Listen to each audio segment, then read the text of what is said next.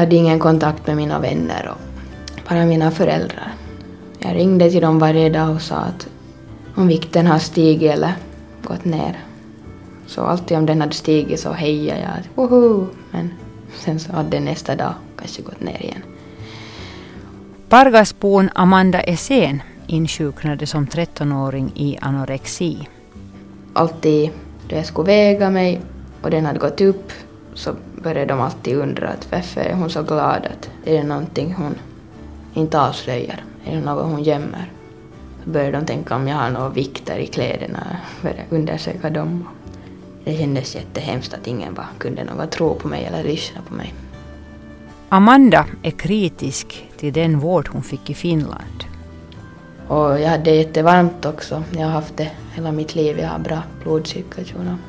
Jag undrar bara om de kunde sätta fönstret upp.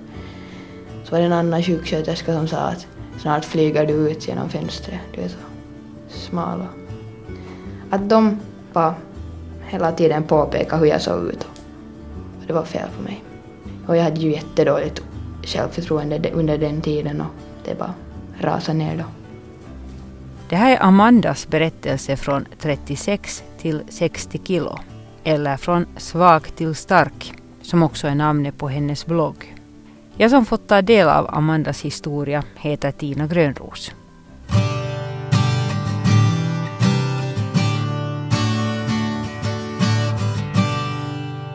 Jag heter Amanda Essén.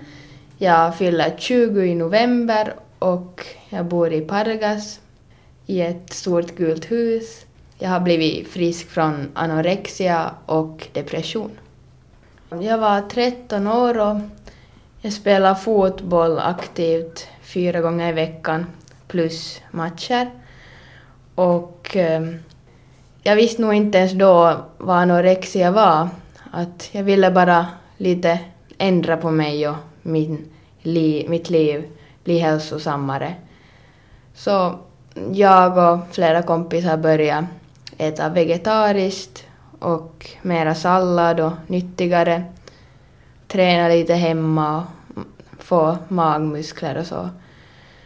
Men inte tänkte jag liksom då att jag vill bli jättesmal. Jag, jag ville nu bara bli liksom som de andra. Var det så att du följde efter de andra eller var det din idé eller hur, hur startade det egentligen? När alla bara pratar om att de är så liksom stora och att, att idag chippar jag kvällsmålet och att, att jag gjorde jättemånga magmuskler idag och sådär.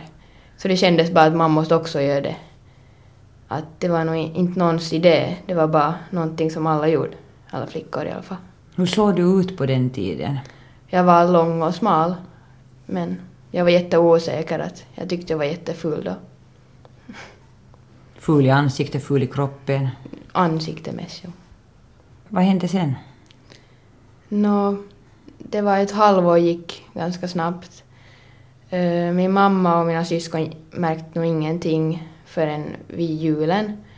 Att när jag prövade julfestkläder så, så märkte då mamma att det var någonting fel. Att jag såg ganska så smal ut. Jag vet faktiskt inte. Det var nu... Hon tyckte att jag var så smal och, och någonting var liksom fel. Och sen vid julen så kommer jag ihåg att min syster, hon började mitt i allt bara skrika till mig att jag inte åt. Jag började ju jättegråta då för jag visste att jag åt men jag kanske lämnade bort och lite kött och, och så och godsaker. Så det blev jättestort gräl där. Och sen nästa dag då min farfar hade födelsedag så var hela släkten där och alla kom och kommenterade hur jag såg ut och att jag blivit jättesmal. Så det var jättesvårt för mig. Och svårt att glömma den situationen för jag liksom ville ju inte bli smal men det hände nu då. Eller jag förstod inte vad jag höll på med då när jag började träna mer och äta hälsosamt. Men när du åt hälsosamt så minskade du mycket på, på dina matportioner också? Mm, jag hoppade över faktiskt eh, ibland lunchen för att jag var så nervös att min mage skulle kurra i skolan. Så jag tänkte att om man inte alls äter så blir det lättare. Och eh, sen var jag så blyg att ha mellanmål i skolan. Att jag tyckte det, det var så pinsamt att ta upp någon mellanmålspatukka och börja äta mitt i allt så. Så jag lämnade bort allt det och åt just bara den där salladen till lunchen och sen snabbt någon middag när jag kom hem och så får jag träna. Och så om man kom ihåg något att äta på kvällen. Men, men vi hade ätit så mycket skräpmat och allt annat förr i tiden men så plötsligt liksom ville jag bara bli hälsosammare så jag lät bli. Och kroppen var ju inte van med det så det blev en stor ändring i kosten och blev jättesmal då. Du sa att familjen reagerade egentligen först där just innan jul och sen på julen så var det eh, himla hallå. Ja. Mm, tror du att de märkte ändå någonting där lite tidigare ändå? Jo, kanske. Men det var ingen som sa till mig då. Eller jag, jag minns nog att, att de pratade bakom min rygg. Det var föräldrar på, på fotbollsträningarna och så, som kom till pappa och säga att Amanda har blivit jättesmal och äter hon tillräckligt. Men det var ju så att jag ändå åt hela tiden. Jag, hade, jag slutade aldrig äta, att jag åt hemma. Men jag åt kanske då hälsosammare och mindre och mer sallad. Så pappa och mamma märkte inte och reagerade inte på samma sätt.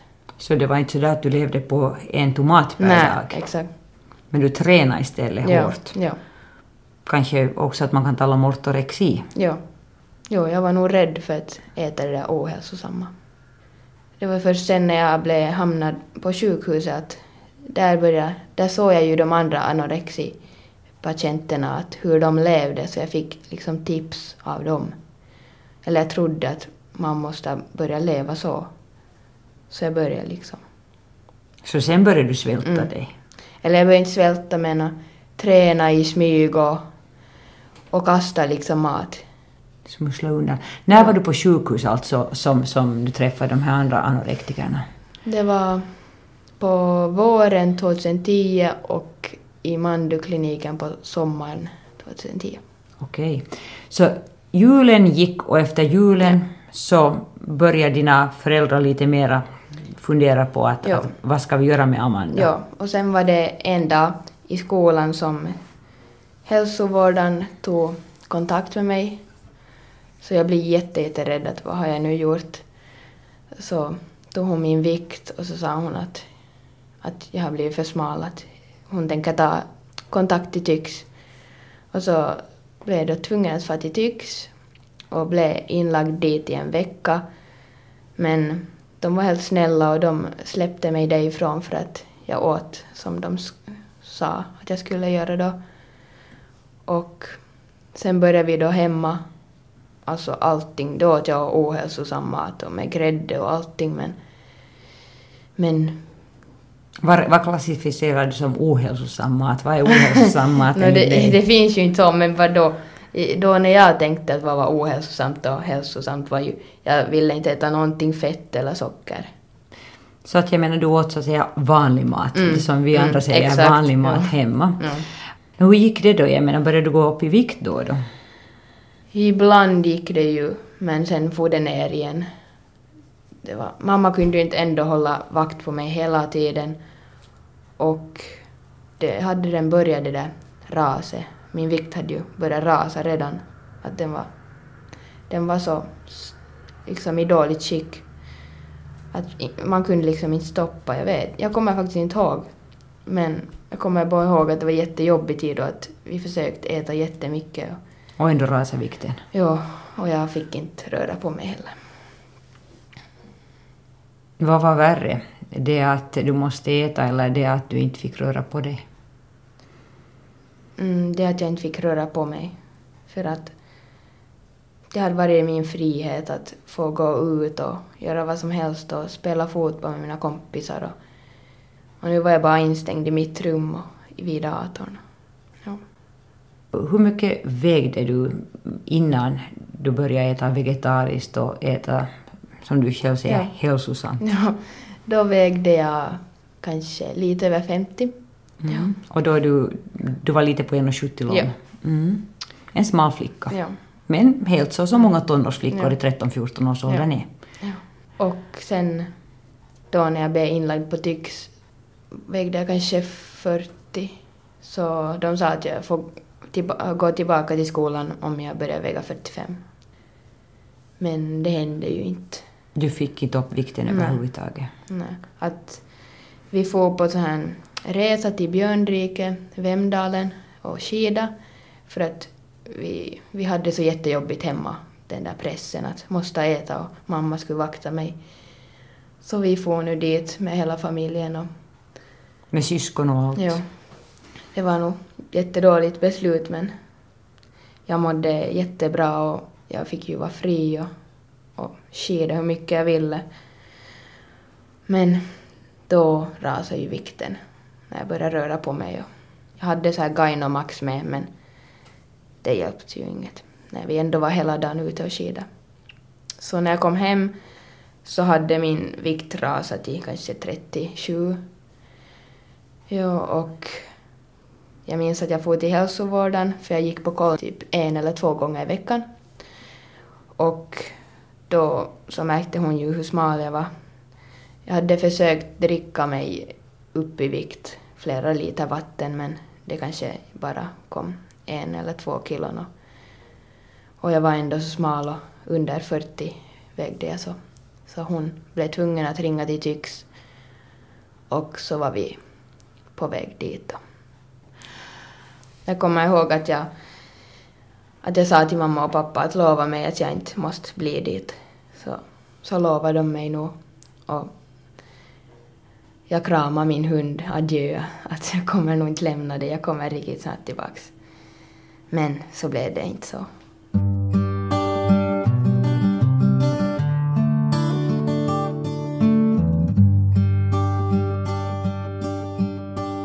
Här fortsätter samtal om livet med Amanda Essén som berättar om sin anorexi. Det var valborgs helg när hon blev intagen på sjukhus i Åbo. Amanda var då 14 år och här upplevde hon sin absolut jobbigaste period. När jag kom in i Tyx så var de jättearga och de tog emot mig och vägde mig och, och sa bara att där är hon, det anorektikern, att nu är hon tillbaks. Så, så hann jag inte säga adjö till mamma och pappa. Blev direkt inlagd på barnavdelningen.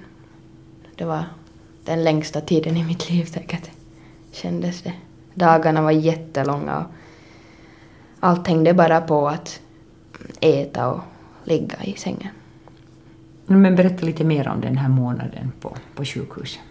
Jo, det var ju sjuksköterskor som hela tiden vaktade mig. Jag fick inte alls röra mig och jag skulle hela tiden äta men det var ju så fattig kost. Allt var fettfritt och det var nog bara soppa och gröt. Och mamma räknade någon gång hur många kalorier den där kosten var som jag åt från. Det var 1200. Så det hjälpte ju inte så mycket min vikt. De skyllde mig liksom allting vad jag gjorde. Att om jag rörde på mig minsta, om jag steg upp och ville kanske rita någonting, hämta papper, så började de skrika och tala till läkarna. Och så kom de varje dag till mig och säga att hur många potatisar jag har ätit och, och varför, att, varför jag är här, att snart kommer jag nog inte klara mer. Att, att jag måste börja äta och att se nu på mig hur smal jag är. Så anorektisk. De använder alltid det där ordet anorektiker. Ett kato tätä anorektikkoa. Kato kun laiha se on. Och de förstod ju inte varför inte vikten får upp. Och inte jag heller att jag åt ju du kastade inte upp, alltså du Nej, spydde inte jag spydde inte en enda gång. Och de vaktade ju mig i vässan, kom mig in och i duschen och hela tiden så det fanns ju inte ens någon möjlighet och jag gjorde inte det. Jag ville inte. Jag ville få upp min vikt men ändå var det, jag var rädd för att kanske ändå börja äta. Men ändå så åt jag hela tiden. Jag skulle gärna ha nog tagit några näringsdrycker, det skulle ha varit lättare men mamma fick inte hämta såna.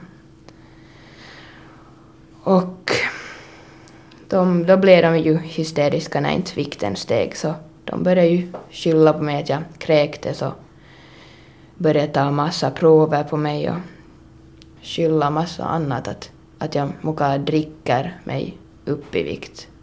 Så jag blev förbjuden att jag inte fick dricka mer. Och jag hade jättedålig matsmältning, haft det hela mitt liv. Så den blev ännu värre när jag inte fick dricka mer utan lov. Jag var så blyg så jag vågade inte ens fråga att hej, får jag ett vattenglas? Mamma och pappa fick hälsa på om kvällarna, kanske en timme eller så.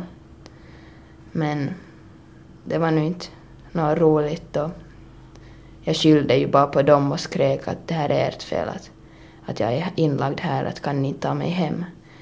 Men de försökte ju sitt bästa, inte kunde de göra något. Nej. Det ju inte funka hemma och, och jag var ju tvungen att vara där då. Då jag ju var för smal.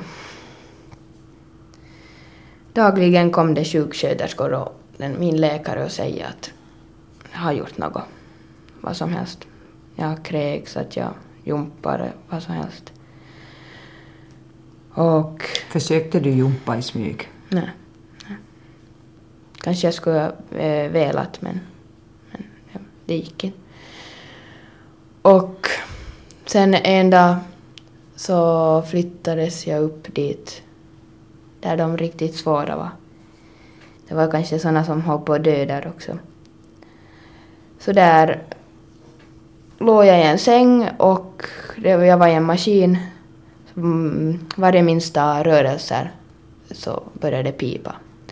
Och jag måste gå på pottan där om jag behövde Eh, pissa. Mm, alla läkare stod där och stirrade. Och ja, det var nog bara jättehemskt. Jag var ju så stressad hela tiden under den där tiden att ibland kunde jag pissa på mig i sängen och det var jättepinsamt för det var folk i min ålder där och, och andra som låg ju bredvid mig. Ja. Sen blev jag flyttad tillbaks dit ner. Så försökte de hitta på något annat, att var, varför steg inte vikten? Och till slut så hade de inte mer några val. Så de tänkte att de flyttade mig till den psykiatriska avdelningen. Och det kom hon där och pratade med mig och mina föräldrar. Så hon pratade nog inte alls med mig, men hon sa till mina föräldrar att nu ska du flyttas hit, att det finns inga val. Att se nu på hon där, hon är ju så sjuk att hon ja, att hon sa rakt framför mitt ansikte att, att Amanda pieni, etkö sulla on käärme päässäsi, että sen nimi on anorexia. Jag försökte nu riktigt lugnt säga att jag äter men jag vet inte varför vikten inte stiger det fanns bara en sjuksköterska som talade svenska och hon var sällan på jobb. En dag när hon var på jobb så ritade hon en trappa till mig och visade var jag är nu och att det var typ tre trappsteg till döden. Att om jag inte börjar äta så, så kommer jag hamna dit. Så jag var ju jätterädd för döden och började tänka på döden nästan varje dag nu. Sen så ringde jag då till mamma och pappa och sa att jag, jag orkar inte mer, att om ni inte hittar på någonting så, så hoppar jag nu ut genom fönstret. Och så funderade vi ju hela tiden. Vi försökte kontakta alla sjukhus, Kokkolas och Ålands och Helsingfors, men de hade inte platser. Och de som var specialiserade på anorexi helt enkelt. Ja, exakt. De skulle ha haft nog bättre hjälp till mig än det där sjukhuset eller psykiatriska. Jag, hade, eh, jag kände flera som hade varit där i den där psykiatriska och att de hade sagt att det är ingen bra plats. Att, och att om Amanda skulle hamna dit så det skulle nog vara sista droppen för henne. Den kvällen sa också samtidigt en sjuksköterska som inte mera jobbar där ens. Så hon sa att Nå, du flyttas sen också dit till psykiatriska avdelningen vare sig du vill eller inte. Men, och då blev jag riktigt i panik och ringde mamma och pappa. Det var den enda kontakten jag hade då så jag ringde dem ganska ofta. Ja, men då ringde jag och då beslöt de att ikväll så rymmer vi. Den kvällen la jag en lapp på duschen att jag duschar, stör inte. Och samtidigt gick jag andra dörren ut. Och pappa mötte mig utanför dörren och så gick vi, eller sprang vi, ner för trapporna. Och jag var jätte stressad att någon skulle komma emot mig, någon sjuksköterska eller polis. Eller att kamerorna skulle se mig. Och, men jag var ändå jätteglad och nu så far vi emot något bra. Så var mamma emot mig med grannens bil. Så hoppade jag in i den under en filt och så körde vi emot Viking Lines båt. Vi skulle åka till Stockholm. Men pappa ringde den kvällen såklart till sjukhuset och sa att, att vi är på väg mot Sverige till att söka bättre vård. Att ingen fara, att Amanda är med oss i trygga händer. Jag kände mig så jättefri och glad men mamma var jättestressad att nu, nu kommer vi nog bli fast. För sen såg vi ju massa poliser när vi kom ut. Vi tänkte att de kommer att ta oss. Men det var, de var efter någon annan, så, som tur. Men mycket fel hade vi inte för hemma samma morgon så var det fem poliser tror jag och en ambulans hemma hos oss.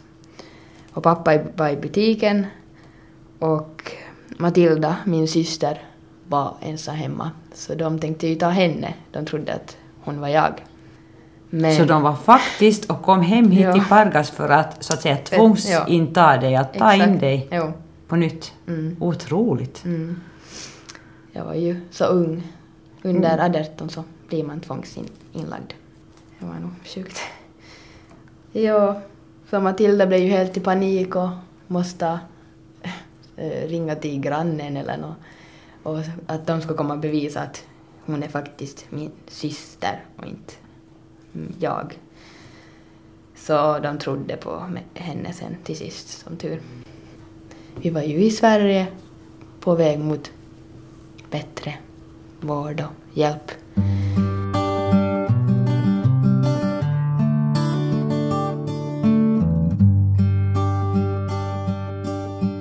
Här fortsätter samtal om livet med Amanda Essén. I Sverige kom Amanda och hennes mamma i kontakt med en klinik specialiserad på ätstörningar. Amanda fick gå förbi kön eftersom personalen på kliniken ansåg att Amanda var sällsynt motiverad. Hon åt och hon ville bli frisk. Men vikten var då nere i 36 kilo. Det var ju jätte, jätte, jätteskönt och var som en stor tyngd få från våra axlar. Då. Första veckan när de hade gjort ett personligt matschema till mig så steg vikten med 750 gram. Före det hade det pendlat med 40 gram hit och 40 ja, gram dit. Exakt. Upp, upp och, ner. och ner. Men hur länge blev du i Sverige? Jag tror jag allt som allt tre månader. Det var en helt annan känsla att vara där. Jag kände att, att någon vet vem jag är, vad jag har för fel och att de vet vad de gör. Att jag kan lita på dem. Att jag kan ge kontrollen till dem. Att de sköter om det här och mig. Ja, det var ju bra och dåligt. Att inte var det ju bara en dans på rosor. Jag fick massa med så här dåliga tips av dem utan att prata. Det var ju mitt eget fel. Jag, jag gick igenom deras rörelser och hur de gjorde och levde. Alltså de andra patienternas? Ja.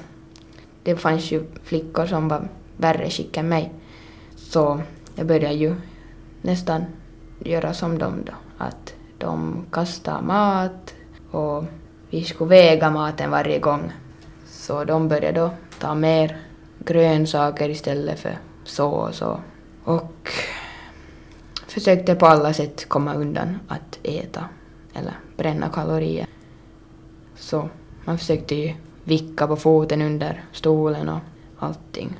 Men de var jätteskickliga på det där, de där behandlarna, att de märkte ju om man gjorde någonting och om vikten hade gått ner så blev vi nästan bestraffade att vi inte fick träffa vår familj eller att man ingen rörelse. Jag till exempel blev insatt i en rullstol så vart jag än får, till och med till vässan så måste jag åka rullstol dit. Och så hade jag också en, någon maskin som man hade på armen som räknade varje rörelse och hur många kalorier jag brände så kunde de gå igenom vad jag gjorde under dagen och så, under natten. Så det var nog inte en sån här klinik där det var sådär paj paj, oj vad du är duktig bara, nej, utan nu var det ganska ja. hårda tag där också. Ja. ja. Men de kanske inte i alla fall sa att du var anorektisk nej, och, och så hemsk ut? Nej, nej. Mm. inte en enda gång. De sa tvärtom att allt kommer ordna sig, att du kommer bli frisk, bara du gör som vi säger. Så jag fick ju förtroende att det kommer bli bra. Jag försökte en massa gånger fuska men jag förstod ju sen till sist att det går inte om jag inte själv gör det här. Så kommer jag inte slippa hem. Nåja, efter tre månader på, på den här kliniken i, i Sverige så, så skrevs du då ut eller ni beslöt att, att nu är det bra? Det var så att eh, man skrevs aldrig ut utan de gav först en belöning för att jag klarade mig så bra och vikten hade gått upp. Så de gav en belöning att jag fick gå hem på visit och sen när jag kom tillbaks så såg de att min vikt hade ännu gått upp och jag hade klarat mig hemma. Så därför beslöt de sig att jag kanske då får börja skolan, i alla fall pröva på och komma på kollningar alltid under veckoslutet. Så det var ju jätte, jätte, jättekul för mig för det enda jag önskade var frihet och att jag skulle få leva normalt. Jag hade helt glömt bort att vara anorektisk och träna i smyg och måste äta perfekt och sådär. Att jag ville bara bli fri och träffa mina kompisar och vara en normal tonåring. Så när jag kom hem, det var helt fantastiskt. Jag kommer ännu ihåg när jag gick upp för den långa backen, hur fint allt såg ut.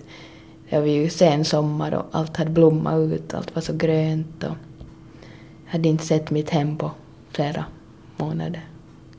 Och min hund kom emot mig så glad så oj. Jag bara kramade den och grät och herregud, det var det bästa i mitt liv.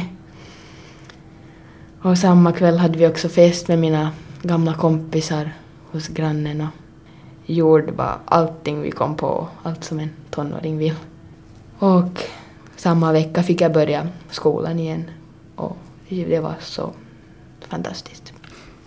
Jag, jag fick inte ännu röra på mig och idrotta eller så. Jag fick inte vara med i aktiviteter skolan gjorde så. Och så måste jag gå på stödkurser i olika ämnen.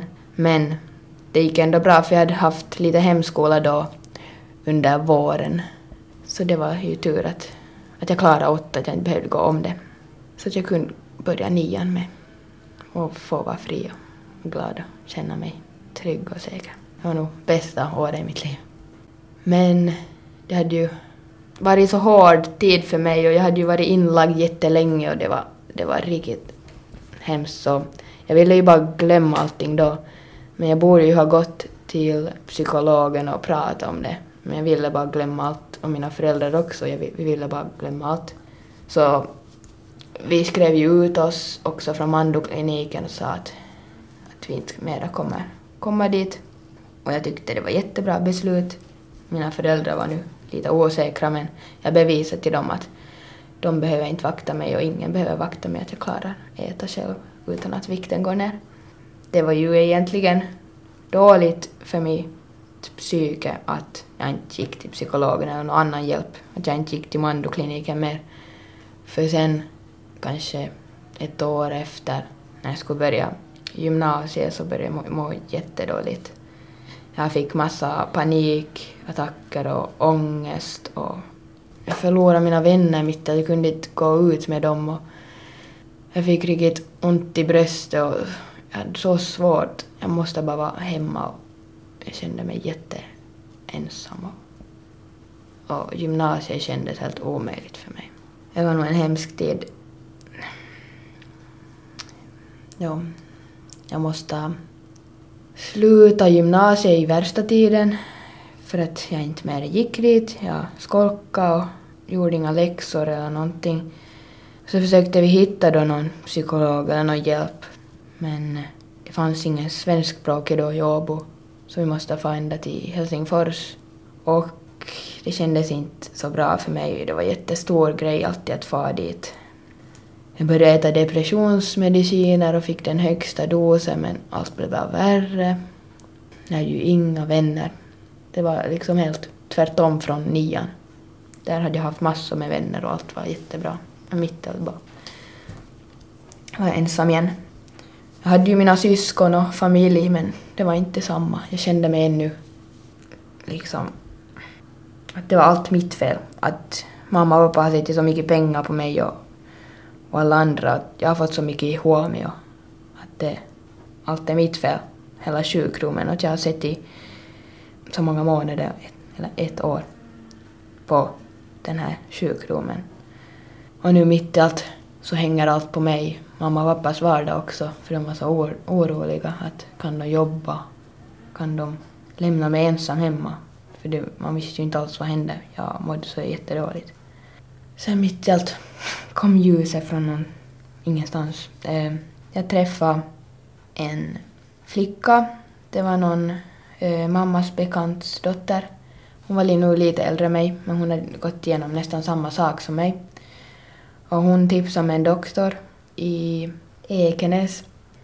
Och jag började få massa med vitaminer och gick på blodprover att vad månne var fel på mig. Sen fick jag B12 vitaminsprutor en gång i veckan och så småningom började jag liksom må bättre. Så syntes det på blodproven att sköldkörteln inte mer fungerade som den skulle. Det berodde säkert på ätstörningen och allt som har hänt mig.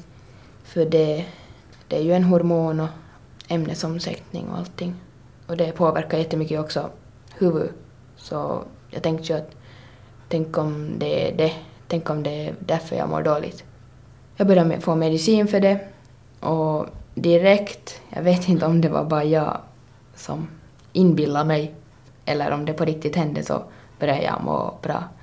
Jag mitt i allt var väldigt lycklig. Jag kunde njuta över saker. Jag kunde, det var sommar och jag kunde simma och bara känna alla dofter och skratta igen. Jag hade inte skrattat på vad var det, tre år, så jag kunde nu igen eller, skratta högt. Det var helt härligt. Jag började igen styrketräna. Wow, det var så här. Jag hade funnit något som var min grej. Jag vägde då kanske 50 kilo. Så min vikt steg 10 kilo. Att jag började väga 60. Jag styrketränade med tunga vikter och började äta mer. Jag var inte vegetarisk mer, jag började äta kött igen och det var jättegott. Men såklart tyckte jag synd om djuren men det, det var nog riktigt värt det för mat så gott. Och eh, blev all, jättebra, allt mer intresserad av hela hälsa, träning och kost. Så började jag använda proteinpulver och började hjälpa min pappa att träna.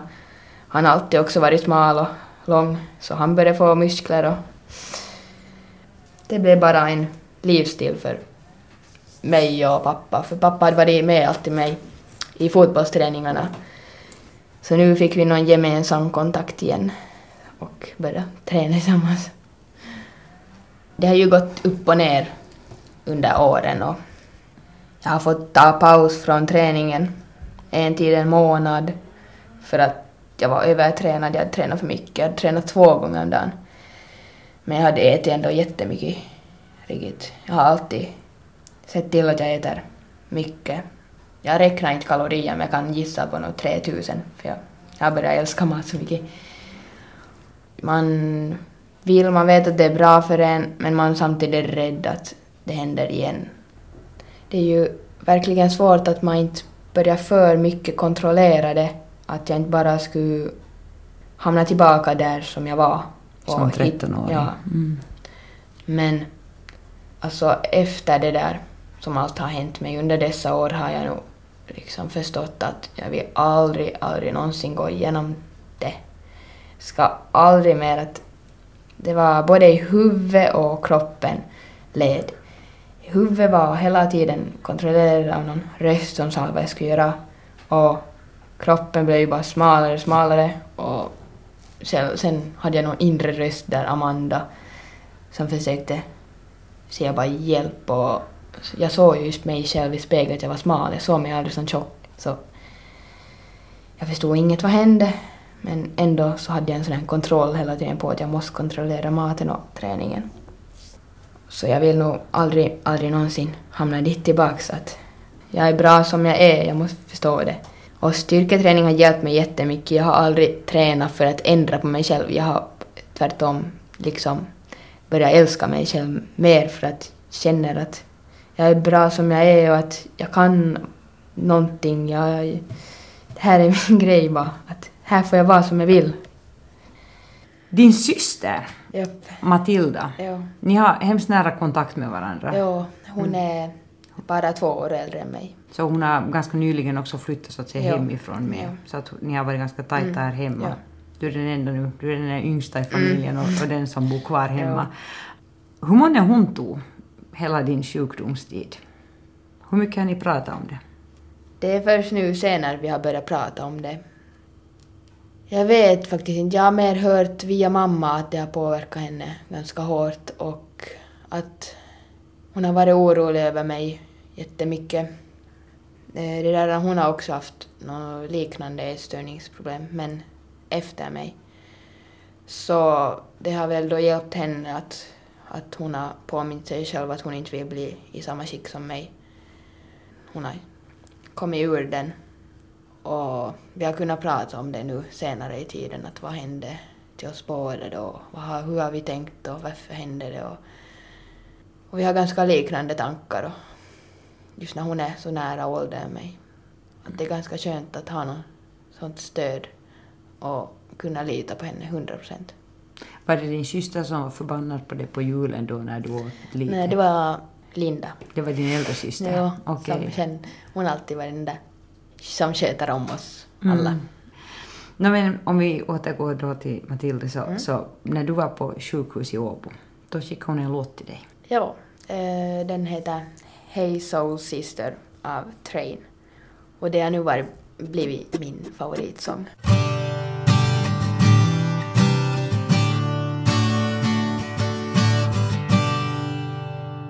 Du lyssnar på ett samtal om livet med Amanda Essén. I oktober ska Amanda delta i FM i Junior Bikini Fitness. Något som hon har tävlat i en gång tidigare och som hon vill pröva på igen. Inför tävlingen följer hon en strikt diet, vilket kan låta oroväckande med tanke på hennes tidigare ätstörning. Jag har länge tänkt att jag måste hitta någonting. Jag har ett mål för någon, någonting att sträva efter för det kändes så ensamt att hålla bara på där ensam i gymmet och träna för ingen skull, eller för min egen skull men inte ha någon mål eller någonting. Jag kan ju sluta när som helst och jag vet när jag inte mår bra, när jag inte orkar mer. Så jag tog risken och, och det kändes bara jätte som min grej igen. Att jag tänker nog inte ge upp det här att jag vet att det här är jättedåligt beslut, att ni kan tycka vad som helst, men vad man än har haft för sjukdom liksom i förr i tiden så kan man inte bara bestraffa sig och inte få göra någonting under hela sitt liv som handlar om samma sak, typ. Att då ha något strikt matschema eller så. Jag vet att jag är, jag är frisk, jag, jag vet det. Och vem annan kan veta det bättre än dig själv. Så jag litar på det och därför tog jag risken att få på det här tävla i bikini fitness. Och min första tävling var ju fitness classic. Och jag hade aldrig riktigt sjukt strikt diet att jag åt något mega mega lite. Bara salladen och sånt. Men sista veckan så tar man ju vätskedrivande och, och, och sånt där. Det kan ju vara riktigt konstigt och sjukt. Men jag litar nu på min tränare att hon sköter om det. Hur gick det i fjol? Eh, jag kom sjätte av, jag minns inte hur många, var kanske något 30 eller ja. Så det var ju juniorklassen och det kommer sex stycken i finalen så jag blev sjätte sista final, men in i finalen och fick en pokal för det. Så hur taggade du inför årets?